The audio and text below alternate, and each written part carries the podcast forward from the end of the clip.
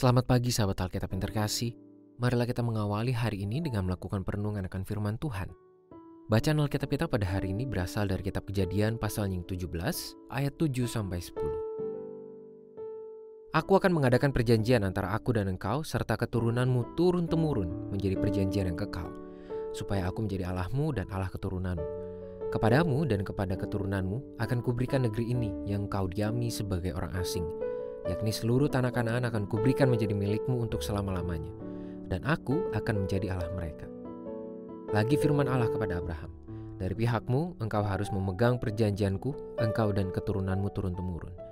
Inilah perjanjianku yang harus kamu pegang, perjanjian antara aku dan kamu serta keturunanmu, yaitu setiap laki-laki di antara kamu harus disunat. Pada hari kemarin, kita telah melihat bagaimana Tuhan melakukan gerakan kasih yang aktif terhadap Abram sebagai bentuk inisiatifnya menjalin relasi yang intim dengan Abram. Kita juga telah melihat bagaimana di dalam tawaran perjanjian yang Tuhan sediakan bagi Abram, Tuhan tidak mengharapkan imbalan atau keuntungan apa pun yang perlu dipenuhi oleh Abram sebagai ganti atas tindakan Tuhan tersebut. Bahkan, Tuhan semakin jelas menunjukkan beragam karya yang akan dia wujudkan dalam kehidupan Abram dan keturunannya jika mereka bersedia hidup dalam perjanjian yang Tuhan tawarkan.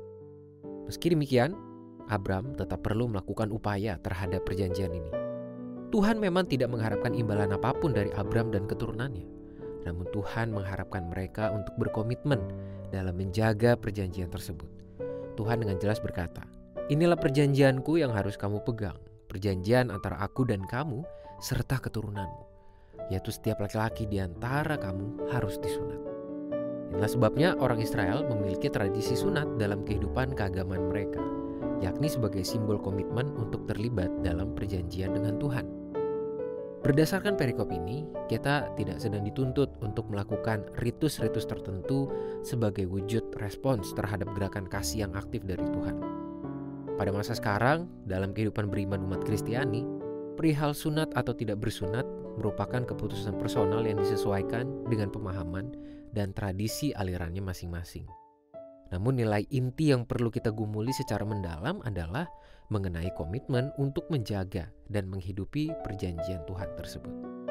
Setelah menyadari bahwa perjanjian dari Tuhan adalah bentuk gerakan kasihnya yang aktif untuk menjalin relasi dengan kita, sekarang setiap umat Tuhan juga perlu menyadari bahwa perjanjian tersebut perlu dijaga dan dijalani dengan komitmen. Tuhan tidak menuntut berbagai keuntungan apa pun sebagai ganti dari kasih yang Dia berikan. Namun, kita tetap perlu bersikap aktif dalam perjanjian yang Dia tawarkan.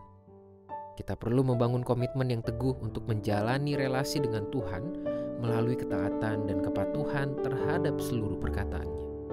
Inilah tandanya kita sedang menghidupi perjanjian Tuhan. Jadi, Siapkah Anda berkomitmen untuk menjalaninya? Marilah kita berdoa.